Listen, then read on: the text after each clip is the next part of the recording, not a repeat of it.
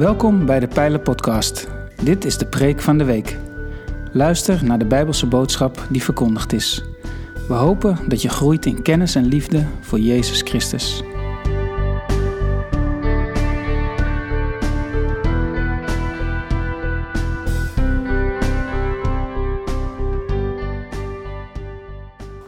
Ja, goedemorgen allemaal. Wat een feest om hier te zijn.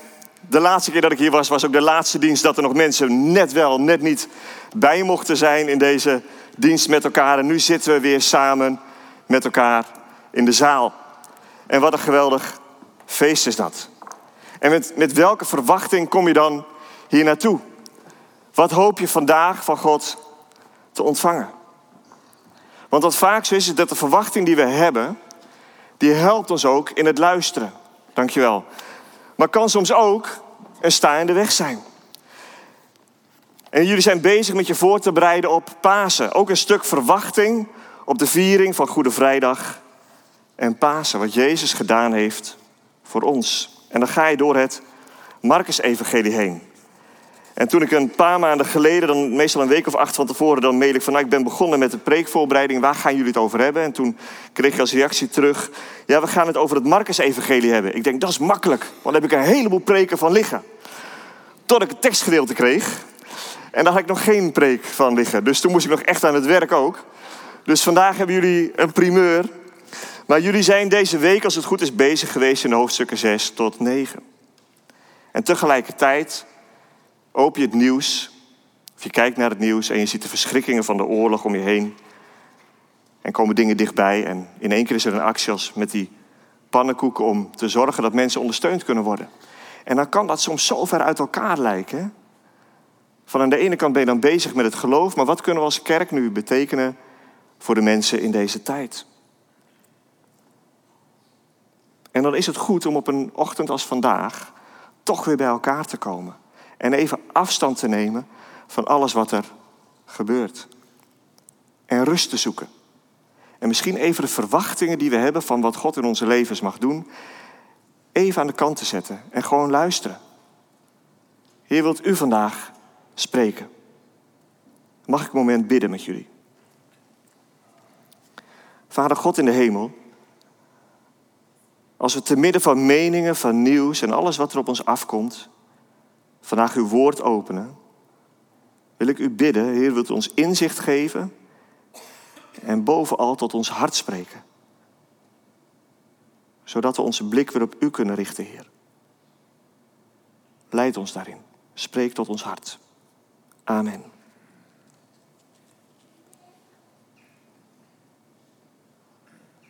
Vandaag komen we Jezus tegen hoofdstuk 9 van het Marcus-evangelie, wanneer hij ook rust zoekt. Wanneer hij een moment met zijn leerlingen onderweg is en er drie uitkiest om met hem even apart een berg op te gaan. En het is een bekend verhaal als je de Bijbel een beetje kent. Het is ook een heel raar verhaal eigenlijk. Er gebeurt van alles en er zit ook van alles onder de oppervlakte. Mag ik met jullie lezen, Marcus 9, versen 2 tot 8. En dan zien we dat Jezus, Petrus, Jacobus en Johannes met zich meeneemt een hele hoge berg op waar ze helemaal alleen waren. Voor hun ogen veranderde hij van gedaante. Zijn kleren gingen helder wit glanzen. Zo wit als geen enkele wolwasser op aarde het voor elkaar zou kunnen krijgen. En toen verscheen Elia aan hen, samen met Mozes.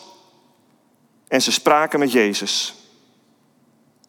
Petrus nam het woord en zei tegen Jezus: Rabbi, het is goed dat wij hier zijn. Met andere woorden, de hulptroepen zou je kunnen zeggen. Laten we drie tenten voor u opslaan. Eén voor u, één voor Mozes en één voor Elia. Hij wist eigenlijk niet goed wat hij moest zeggen, want ze waren door schrik overweldigd. Toen viel de schaduw van een wolk over hen en uit de wolk klonk een stem. Dit is mijn geliefde zoon. Luister naar hem. Ze keken om zich heen en zagen opeens niemand meer, behalve Jezus, die nog bij hen stond. Jezus neemt drie van zijn leerlingen mee de berg op en laat de andere discipelen laat hij achter. En je ziet in het Marcus-evangelie met enige regelmaat een aantal groepen waartussen Jezus zich begeeft. De menigte, de grote groep mensen. De volgelingen van Jezus, een man of zeventig ongeveer, dan de discipelen. En hij heeft er een paar in wie hij echt diep investeert. Daar neemt hij tijd voor. Daar gaat hij alleen mee op pad. Dat zijn Petrus, Jacobus en Johannes. En dan denk je misschien, ja, dat zal hij doen omdat hij later nog heel veel belangrijke dingen doen voor Gods koninkrijk. Ja, dat klopt, maar Jacobus niet zo heel lang, die is al vrij snel om het leven gebracht. Maar toch investeert Jezus in deze drie mannen. En hij neemt ze mee, midden in een hele drukke periode, de berg op. En straks gaan we nog uit de hoofdstukken hiervoor lezen wat die drukke periode inhield. Hij neemt ze mee de berg op. En dan moet je je voorstellen wat daar gebeurt. Dan loop je met Jezus, die je al een paar jaar kent, loop je naar boven. En in één keer begint die man die begint te stralen. Nou, ze hebben al veel meegemaakt van Jezus. Een paar keer een picknick gehad met hem. Hij heeft mensen genezen. Maar hij, is nog, hij heeft nog nooit licht gegeven. En dat gebeurt hier. Hij begint te stralen en Elia die verschijnt. Die zullen ze waarschijnlijk kennen van de krant of zo. Ik heb geen idee waar ze Elia van kennen. Maar blijkbaar herkennen ze Elia. En ze herkennen Mozes. Ook al van, nou je zegt 1400 jaar daarvoor zo'n beetje. En Jezus die babbelt met Elia en Mozes. Nu zijn Elia en Mozes ook allebei boven op een berg geweest. Dus het is niet zo gek dat ze daar nog zijn. Ze zijn ook allebei, eh, zou je kunnen zeggen... Het is niet bekend waar ze uiteindelijk aan zijn overleden. God heeft hen uiteindelijk tot zich genomen. Dus ze verscheiden beide bij, beide bij Jezus. En dan, ja, Petrus, ja, die moet toch wat zeggen. Weet je, we kennen Petrus, als je een beetje dat leest, ja, je moet toch iets zeggen als je daar in de buurt bent. Dus die bedenkt zich niet, die denkt, nou ja, we zijn hier nu toch, hoe lang kan het nog duren? Laten we een paar tenten opzetten. Ik had van alles anders kunnen verzinnen, maar een tent opzetten. Andere hadden ze die bij zich? Heb je er wel eens bij nagedacht? Ze waren met z'n vier die berg op gemarcheerd. Met een tent. In die tijd hadden ze niet zo'n klein tentje wat je tegenwoordig hebt. Die kun je dan bij zo'n goedkope zaak halen of zo, bij zo'n hele dure zaak. Waarmee je op, op trektocht kunt. Um, wij hebben ooit voor onze jongens hebben twee tenten gekocht. Twee eenpersoonsteentjes. Was heel grappig, was niet hoger dan zo. En op de camping, dan kwamen wij met onze caravan aanrijden, gooiden die twee tentjes op het gras. En dan gingen de jongens van ons gingen hun tentje opzetten, zo hoog. Konden ze ook geen rotzooi maken, het scheelde mij opruimen, dus dat was heel handig. Maar Petrus, die, loopt, die zegt, ja, zullen we tent opzetten? Nou ja, goed, dat gebeurt dan uiteindelijk, eh, uiteindelijk niet. Maar dan komt er wel een stem uit de hemel. God spreekt. En tegen deze drie mensen zegt hij: Dit is mijn geliefde zoon. Luister naar hem. En dat is de kern waar ik vandaag met jullie dieper op in wil gaan. Plots zijn ze weer alleen. Ze gaan de berg af naar beneden en ja, wat zullen ze besproken hebben met elkaar? Wat wil Marcus ons duidelijk maken met dit bijzondere verhaal? Waarom is het opgeschreven? Nou heeft Marcus, en misschien heb je dat eerder gehoord in deze serie, heeft Marcus de woorden van Petrus opgeschreven. Petrus heeft dit meegenomen, deze verhalen, en heeft dat verteld aan alle mensen om hem heen toen hij dat evangelie, de boodschap van Jezus, aan het brengen was. Maar op den duur duurde dat toch wel lang voordat Jezus terugkwam.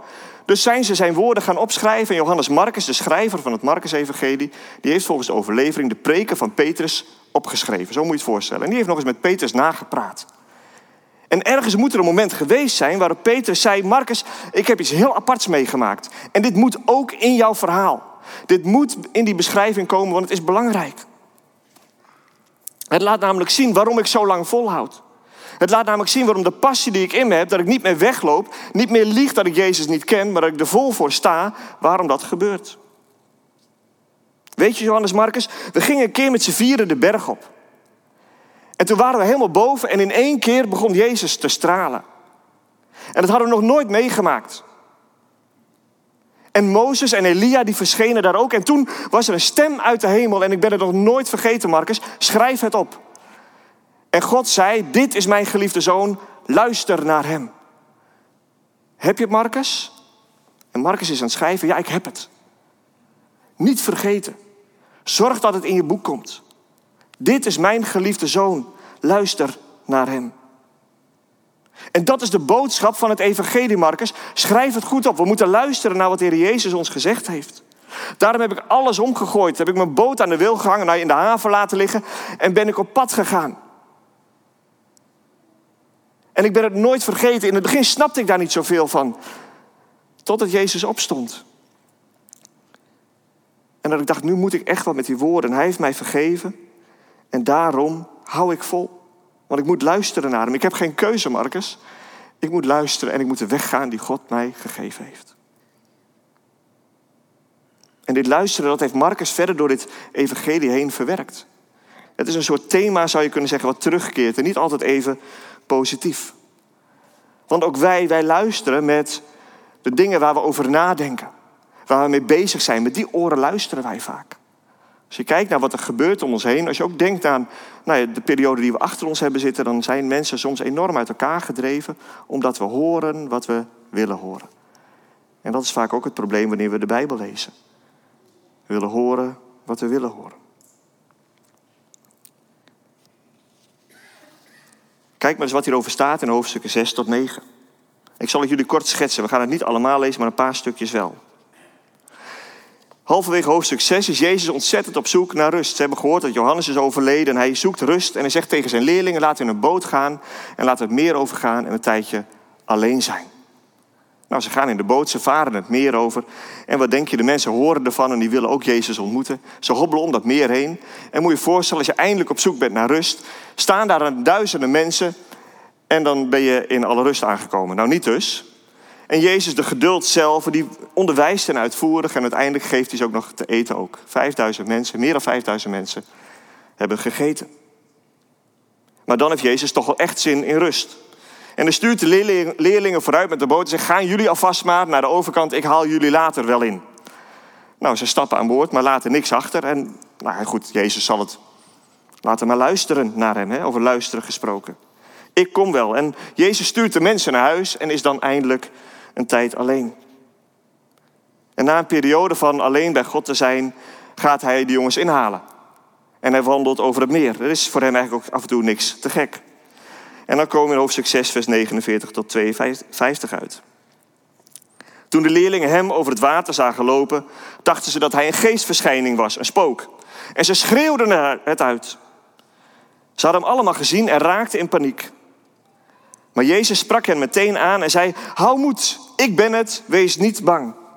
Hij stapte bij hen in de boot en de wind ging liggen. Zijn leerlingen waren helemaal van een stuk gebracht. Ze waren niet tot inzicht gekomen door wat er met de broden was gebeurd, doordat ze hardleers waren, eigenlijk niet goed luisterden. Ze hoorden de verhalen van Jezus, maar hadden het eigenlijk niet helemaal door. En dit kom je heel veel tegen in het evangelie van Marcus, het onbegrip bij de leerlingen van Jezus. Nou, dan stapt hij aan, de aan boord en gaat naar de overkant en uiteindelijk komen ze daar veilig aan. Een korte periode daarna, dan heeft hij een groot gesprek met een aantal mensen en dan gaat hij een huis binnen, weg van de menigte en dan vragen de leerlingen hem om uitleg over hoe het met eten zit. En dan zegt Jezus tegen hen, begrijpen jullie ook nu het dan nog niet? En dit is in Marcus 7.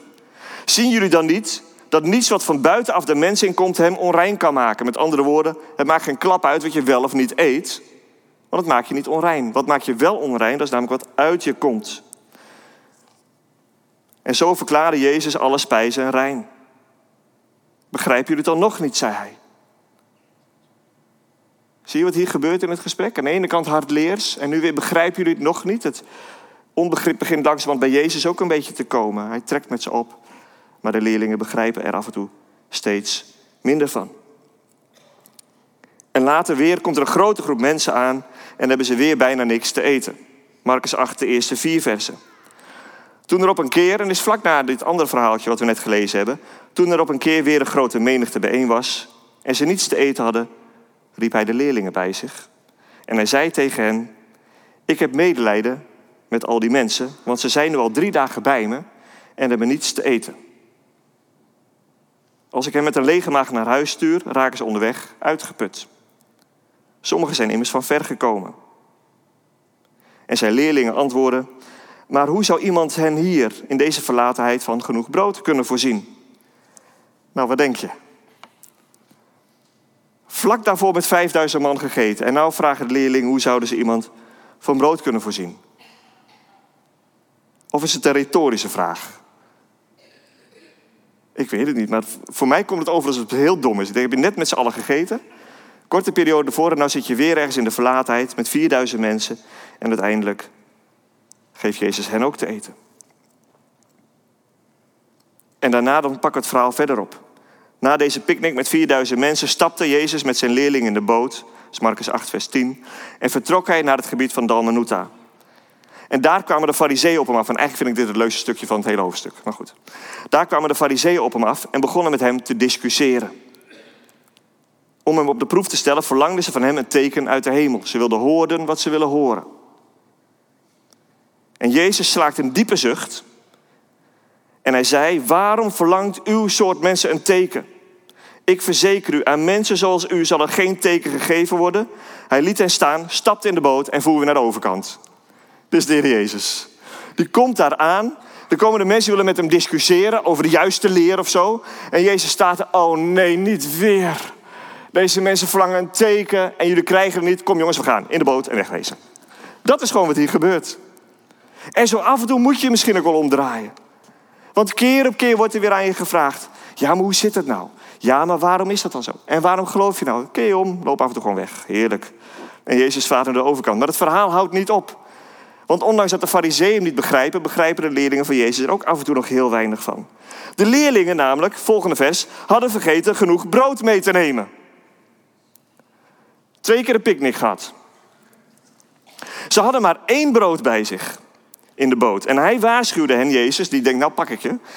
Pas op, hoedje voor het zuurdezem van de fariseeën en voor de zuurdezem van Herodes. Met andere woorden, alle gedachten die daaruit voortkomen. Maar ondertussen hadden leerlingen het met elkaar over dat ze geen brood hadden. Ze waren helemaal niet aan het luisteren. Waarom heb je nog geen brood meegenomen? Judas, jij zou toch zorgen voor het geld, voor het brood? Weet je, regelt nou een keertje. Peter chagrijnig, Jacobus niet, niet te genieten. Oh, oh, oh, oh. En toen Jezus dit merkte, zei hij: Waarom praten jullie erover dat je geen brood hebt? Begrijpen jullie het dan nog niet? Zie je het begrip? Het onbegrip, het niet luisteren? Begrijpen jullie het dan nog niet en ontbreekt het jullie aan inzicht? Zijn jullie dan zo hard leers? Snap je er dan helemaal niks van? Jullie hebben ogen en nou wrijft hij erin, nou duwt hij het echt naar binnen. Jullie hebben ogen, maar je ziet het niet. Je hebt oren, maar je hoort het niet. Weten jullie dan niet meer? Hoeveel manden brood hebben jullie opgehaald toen ik vijf broden brak voor vijfduizend mensen? Twaalf. Twaalf manden vol met brood. En toen ik zeven brak voor de 4000 mensen, hoeveel mannen hebben jullie toen opgehaald? Zeven, antwoorden ze. En toen zei hij, begrijp je het dan nog niet? Proef je de frustratie? Zie je wat hier gebeurt?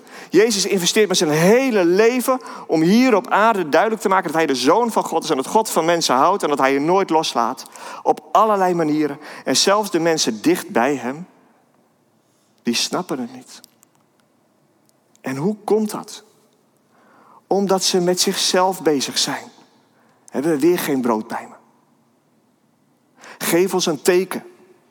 Laat het nu eens eindelijk zien. Mensen komen met hun eigen vragen bij Jezus en eisen dat Hij wil dat Hij antwoordt. En Jezus antwoordt op zijn eigen manier. Hij bepaalt hoe hij antwoordt. En dat geldt ook voor jou en voor mij. We kunnen ons nog zo druk maken over dat virus wat geweest is, over oorlog wat er aan de hand is, wat er ook maar gebeurt. Maar als we bij God zijn, is het tijd om te luisteren. En dat is verschrikkelijk moeilijk, want we nemen onszelf mee in het verhaal.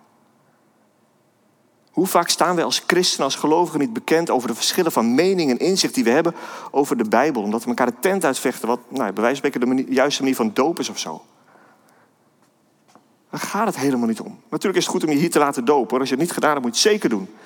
En ik wil ook komen helpen ook. Ik hou, ik hou daarvan. Ik vind het heerlijk. Lekker warm water. Maar gun de ander de ruimte. Alsjeblieft. Zodat we kunnen luisteren. Misschien vragen mensen wel eens om een mening. Zeker voorgangers gebeurt dat soms al. Ja, Jurgen, wat vind jij van? En dan komt er een of andere, nou ja. Vraag die mij eerlijk gezegd, nou, dat kan ik allemaal niet zeggen hier.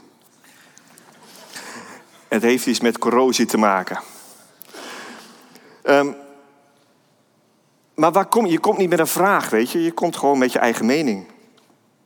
En je wil de ander checken. Dat is precies wat die fariseeën deden. Geef ons een teken. Maar hoe goed kunnen wij nog luisteren? Hoe goed kunnen we nog luisteren? Daar zit echt een probleem hoor, lieve mensen. En het zit sowieso in de hele mensheid. Maar ergens op den duur moeten we dat achter ons laten wanneer we samen optrekken als gelovigen. Dat we vragen stellen aan elkaar. En oprecht. En dat je met elkaar op kan trekken zonder bijbedoeling. Samen op zoek gaat naar wat we God zeggen vandaag tot ons. Weet je, we hebben gewoon een verschrikkelijk lastige twee jaar achter ons. Dat is ook gewoon lastig, weet je.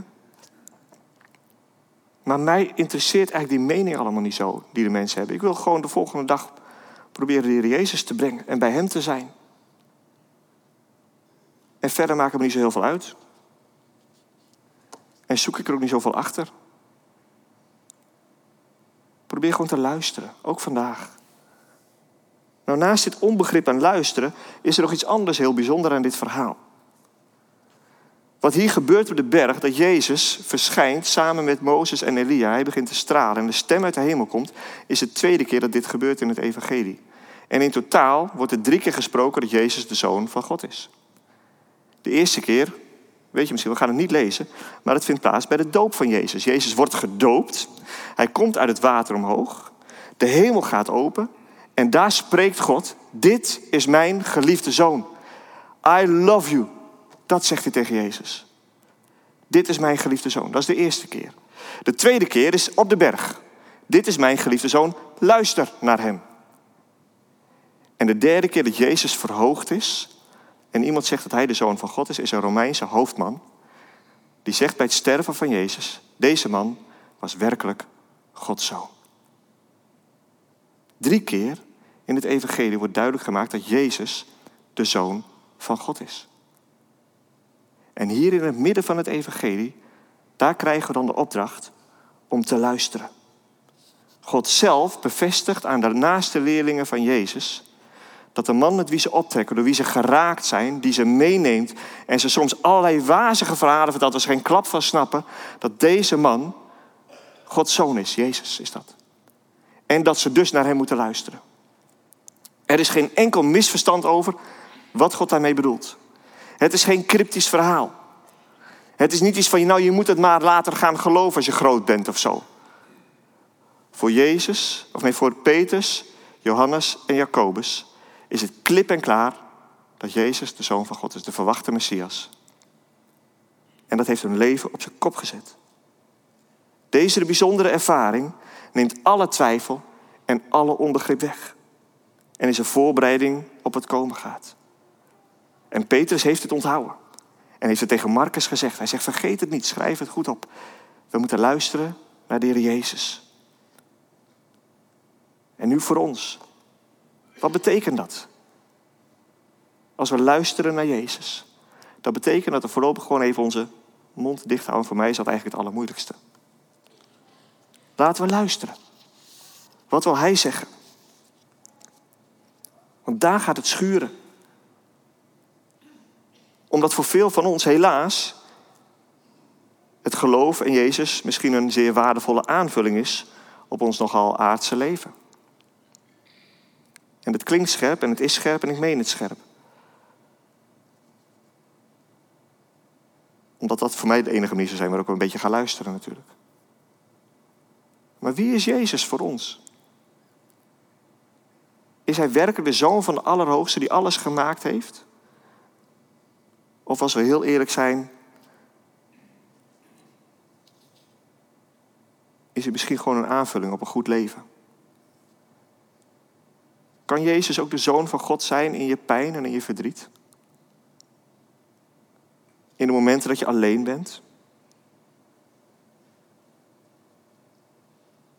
Kan Jezus de zoon van God zijn voor vele kerken? En we hebben ontzettend veel broeders en zusterskerken in de Oekraïne zitten, die kapotgeschoten worden, waar mensen op de vlucht raken. En die in plaats van de verkondiging van het evangelie met woorden alleen nog maar bezig zijn met mensen opvangen. Ik denk dat dat juist dan kan, dat hij de zoon van God is. Omdat het niet meer om deze mensen zelf gaat, maar om een Heer te dienen en samen te zijn voor anderen. En misschien is Jezus vaak de inhoud van die mooie verhalen in de Bijbel, van het lopen over het water. En daar gaan we dan altijd weer gedoe over hebben met elkaar. Kan dat wel of kan dat nou niet? Nou jongens, als hij de aarde gemaakt heeft, is lopen op water toch een iets minder groot probleem, lijkt mij. Maar Hij is de zoon van God. En hij wil met jou in contact komen. Hij wil bij je zijn. Maar hij wil ook dat je naar hem luistert. En dan moet je misschien die vooronderstellingen en alle ideeën die je van tevoren hebt, maar eens gewoon even aan de kant gooien. En heel simpel, want het evangelie is eigenlijk een super simpel verhaal. Heel simpel gewoon op je knieën gaan en zeggen, Heer, ik wil gewoon luisteren naar u. En dan vechten we elkaar dus een keer niet de tent uit over allerlei meningjes die we hebben. Maar we willen gewoon dicht bij Jezus zijn. Omdat dat van een totaal andere orde is dan al die meningen. Erger nog, soms spannen we Jezus voor ons karretje. En op de nette manier is het van, ja, ik denk dat God tegen mij zegt dat. En dan komt er een verhaal wat jij vooral moet gaan doen. Maar op de andere manier is een ander veroordelen omdat hij niet goed genoeg doet in jouw ogen. En dan ben je gewoon een fariseer geworden. Iemand die de andere wet neemt. En goed, goed om mee te beginnen, om het woord van God serieus te nemen. Maar neem het vooral serieus voor jezelf. En geef een ander de ruimte om daarin samen op weg te zijn. Lieve mensen, Jezus is de zoon van God. De zoon van de Allerhoogste. En dat is wat Marcus dwars door het evangelie duidelijk maakt. En hij is degene die straks, wanneer op Goede Vrijdag herdenkt, dat hij gestorven is.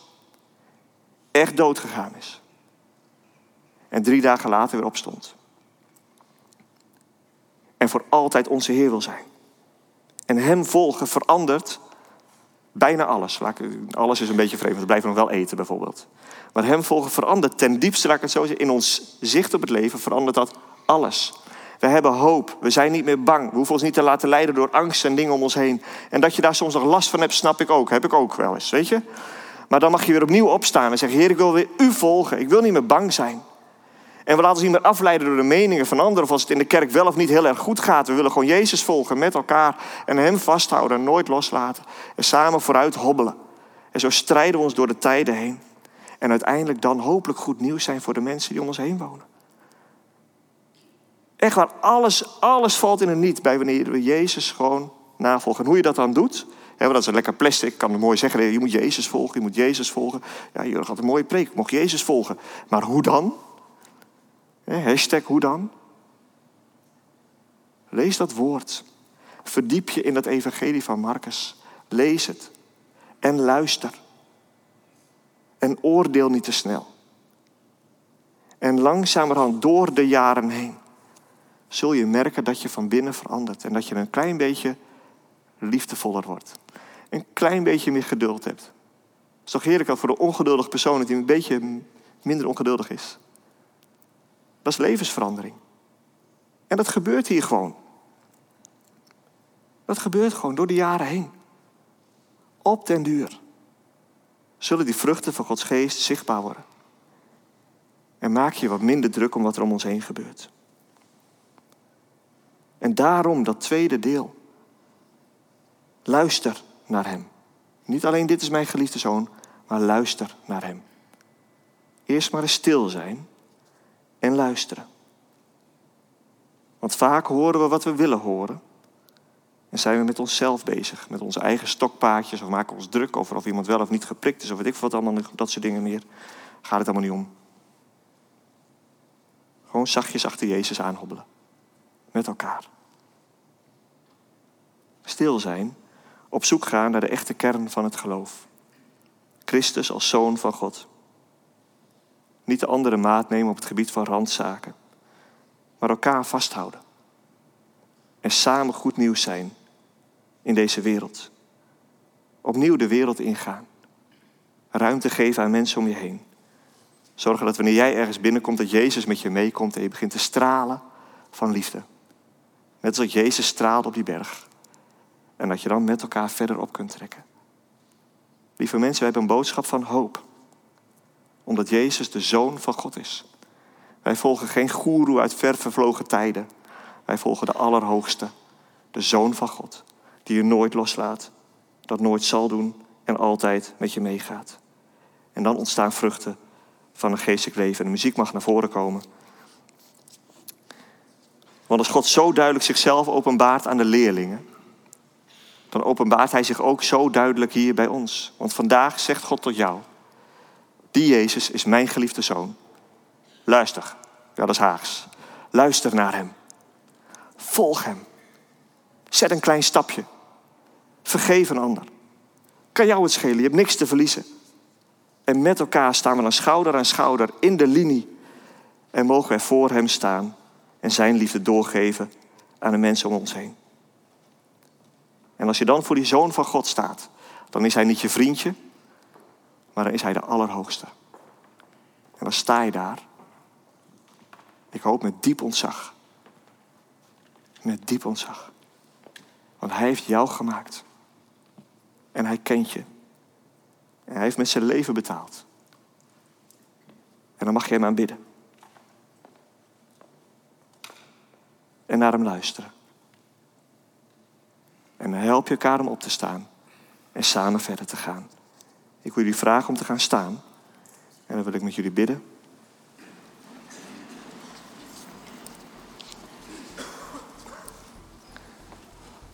Ja, Vader God, als we zo door het Marcus-evangelie heen gaan. En we zien wat u heeft meegemaakt, Heer Jezus, met uw leerlingen.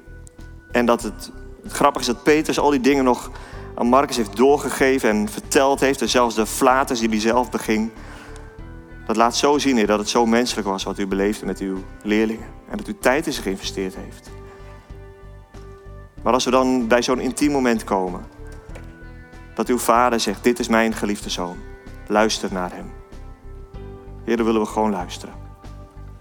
En staan we hier voor uw troon. Met diep ontzag. Voor wat u heeft gedaan. Dat u ons nooit loslaat. En dat wat er ook gebeurt in de wereld.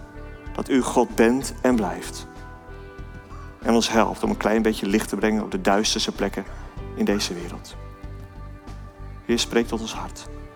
Wij willen luisteren naar wie u bent. Met diep ontzag.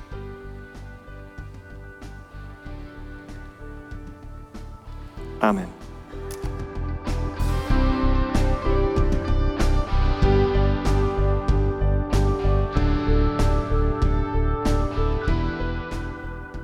Bedankt voor het luisteren naar deze aflevering van de Pijlen Podcast, Preek van de Week.